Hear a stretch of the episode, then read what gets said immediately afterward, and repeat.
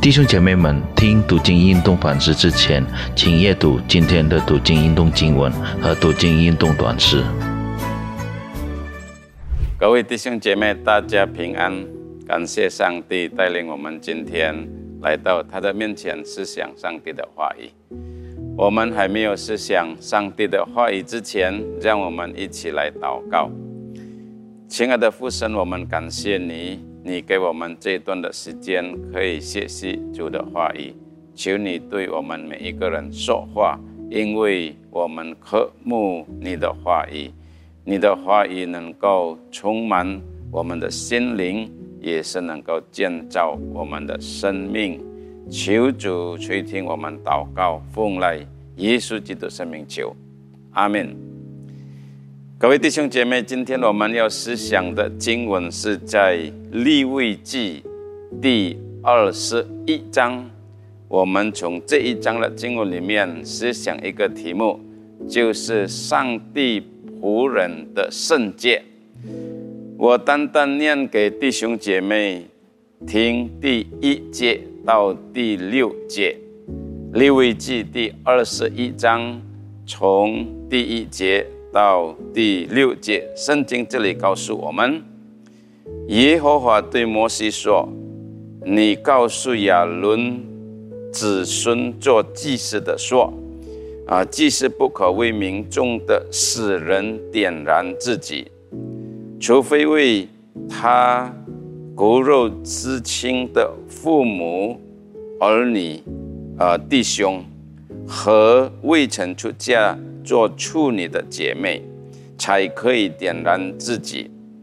祭司既在民众为首，就不可从属点燃自己，不可使头光秃，不可剔除胡丝的周围，也不可用刀划身，要归神为圣。不可亵渎神的名，因为耶和华的火祭就是神的食物，是他们献的，所以他们要成为圣。我们读经到这里，如果我们看整章利未记第二十一章的话，我们就非常清楚，这个是上帝的诫命。也是上帝对那一些做祭司的要求，就是亚伦的子孙，他们做祭司，那他们啊，上帝要求他们要有一个圣洁的生活，他们不可以呃点燃自己啊，在死人当中或者。他们也是要非常注意他生活各方面，比方说要啊剃头发、呼吸啊，这个都他们都要注意到。还有更重要的呢啊，他们不可以娶啊不正当的女人。那在利未记第二十一章里面，上帝定下各种各样的规则。让这一些祭司啊去遵行。我们从这个利未记第二十一章，我们学习啊几个主要属灵的功课。那第一个功课，我们的上帝是圣洁的上帝。为什么上帝规定这样多的条规，让祭司？呃，或在圣洁当中呢？那因为我们的上帝是圣洁的上帝，在它里面没有罪恶啊，没有一些污染的事情，所以每一个人来到主的面前啊，上帝要求他们也是要圣洁，更是呢，这些祭司，上帝说他们是把上帝的祭物。献给他的，那第六节说，那个是上帝的事物啊，献给上帝，所以他们当要见上帝的时候，在上帝的面前侍奉上帝的时候，那上帝规定他们一定要圣洁，才可以朝见上帝。那第二方面，呃，这个祭司要圣洁，也是呃告诉我们，他是一个敬畏上帝的人啊。上帝要求他们圣洁啊，实际上也是要求他们的心有一个敬畏上帝的态度。那如果他保持他们的生活方式啊，他们的行动、行为、言语啊，就是说他们啊远离这些的罪过的时候，他就是有一颗啊敬畏上帝的心。那这样的人才可以侍奉上帝。那因为上帝是圣洁的上帝。那第二功课我们要学习的呢，上帝的百姓也是要活在。圣洁当中，如果我们看利未记第二十一章的话，这一段的经文主要是讲到上帝对那一些祭司，就是百姓的领袖领袖说，他们要圣洁。但是如果我们从新约来看，或者我们从整本圣经来看的话呢，上帝的要求不是单单祭司要圣洁，当然祭司。是在民众首尾的人，就是他们是领导他们的生活，一定要有一些很很大的榜样。所以，呃，祭司就上帝很严格的要求他们。但是，如果我们看整本圣经的话呢，不是单单祭司要圣洁，但是所有的百姓也是要圣洁。今天你我在上帝的面前的生活，也是应该这样。啊，如果没有的话呢，我们就没有办法靠近上帝，或者没有力量来祷告。那各位弟兄姐妹，我们今天怎么样能够获得一个圣洁的生活呢？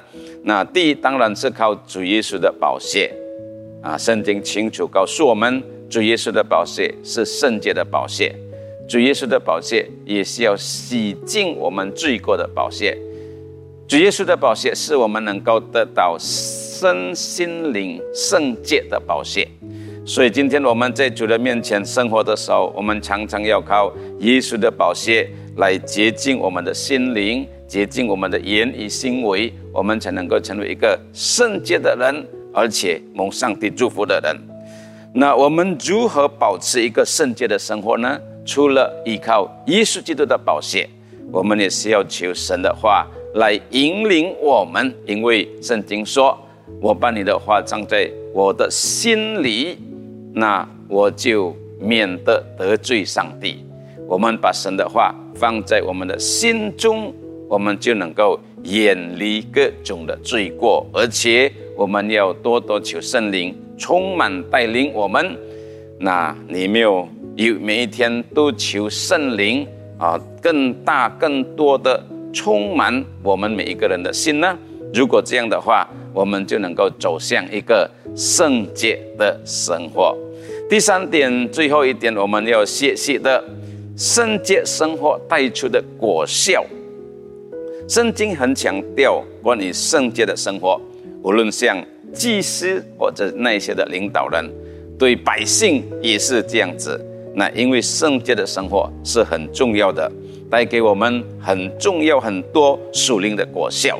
那第一方面，因为有圣洁，我们就能够与上帝同行，我们能够亲近上帝。每一个人，每一个人要来到主的面前，要亲近上帝，向上帝祷告，了解上帝的心意。首先，第一个条件就是要活在圣洁当中，所以圣洁是一个。主要的条件，让我们能够与上帝同行。那更重要，在马太福音第五章第八节那边，主耶稣说：“啊啊，清心的人有福了，因为他们能够得见上帝。就是圣洁的人，心里圣洁的人，他们就能够得见上帝。那这个得见上帝是什么意思呢？不是单单不是用我们的呃。”肉眼看到上帝，但是在我们的生活中，在我们的灵眼里面，我们能够看到上帝与我们同在，上帝行在我们道路的面前，上帝常常给我们力量安慰我们。那这个是一个得福的道路，与神同生，呃，与神同行的道路，也是能够蒙上帝。大大祝福的道路。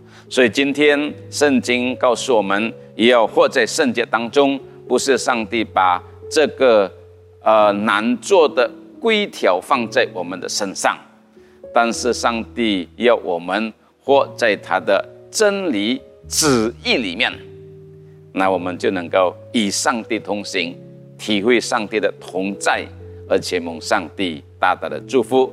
愿上帝帮助我们，我们一起祷告。